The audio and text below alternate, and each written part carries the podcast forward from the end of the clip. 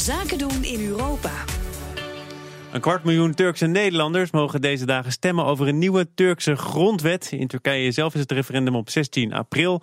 Wij vragen ons af wat zijn de gevolgen van een ja of een nee voor ondernemers die banden hebben met Turkije. En daar praten we over met Etem Emre, voorzitter van de Nederlandse Turkse Kamer van Koophandel. Momenteel zelf in Turkije. Goedemorgen. Goedemorgen. Ehm, die vraag die leg ik meteen maar aan u voor. Hoe belangrijk is de uitslag voor ondernemers die die banden hebben met Turkije?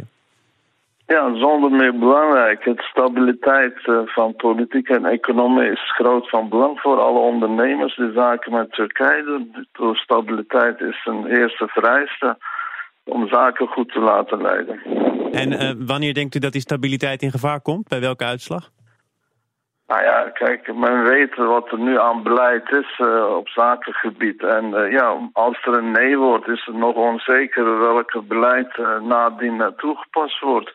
Dus de ondernemers, de belangenorganisaties die ik spreek, die zijn voorstander van het voortzetten van het huidige regime en beleid. Ja, maar dit, dit de referendum gaat in de eerste is. plaats over uh, ja. een politieke, democratische kwestie. De omvorming van een parlementair naar een presidentieel stelsel. En wat dat doet met het democratische gehalte van Turkije. Hoe ja. heeft dat dan direct invloed op wat ondernemers uh, met Turkije te maken hebben? Nou, geen. Dat uh, zal op het economie geen enkele invloed hebben, hoor ik hier mensen zeggen. Ja, want u bent in Turkije, u spreekt daar met de, de, Turkse ondernemers die ook banden hebben met Europa en die er baat bij hebben dat uh, ja. de betrekkingen goed blijven. Ja. ja, daar gaan ze voorlopig vanuit, ja, dat dat goed blijft. Dat economie daar niet onder zal lijden. Ja, maar die, die economische banden die zijn op dit moment wel degelijk. Uh, Nederland exporteert voor ruim 5 miljard euro naar Turkije, andersom 2,5 miljard. Dat is aanzienlijk. Ja. Betekent dat ook dat grote bedrijven die daar zitten, zoals Shell, Unilever, Philips, eh, daar toch met extra belangstelling naar kijken?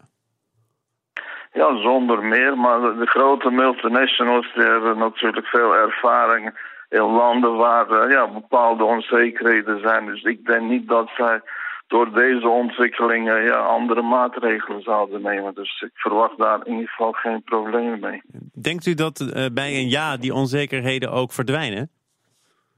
Zeker, zonder meer. Uh, ja, premier zegt dat het de groei van Turkije nu op 3% staat. Bij een jaar zal dat uh, zeker 7% halen. Dus dat zal allemaal maar beter gaan. Ja, maar hoort dat ook bij wat er van belang is om in de campagne te benadrukken? Nou ja, dat wordt wel ja, aangegeven. Dus men heeft vrijheid om te zeggen ja, hoe zij dat beleid verder willen invullen. Ja. Economisch. De relatie tussen Nederland en Turkije staat natuurlijk al een tijdje onder druk. Zeker toen uh, de Turkse ministers hier campagne wilden voeren het land uit zijn gezet. U heeft toen gezegd, ja. ik denk dat het bedrijfsleven kan helpen bij het oplossen van het conflict. En dan moeten de Nederlandse en de Turkse belangenorganisaties met elkaar om de tafel. Initiatief, zei u toen, moet komen van Nederlandse organisaties.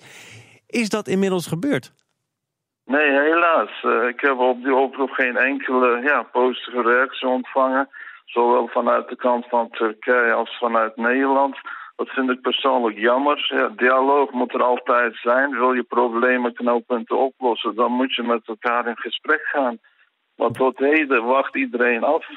Maar wat zou er wat u betreft dan besproken moeten worden? Onder andere door vanuit Nederland, VNO-NCW en MKB Nederland... die u toen opriep ja. om te gaan praten? Nou ja, om in ieder geval de belangen veilig te stellen en de problemen die zich voordoen proberen ja, voor te zijn en preventief uh, toch maatregelen te nemen. Maar welke problemen spelen er nu dan? Wat, wat, wat wordt er nu al belemmerd in die handelsrelatie Nederland-Turkije? Nou ja, bedrijven hebben toch vragen hoe het verder gaat, of er nog economische sancties volgen, wat tot nu toe gelukkig niet het geval is.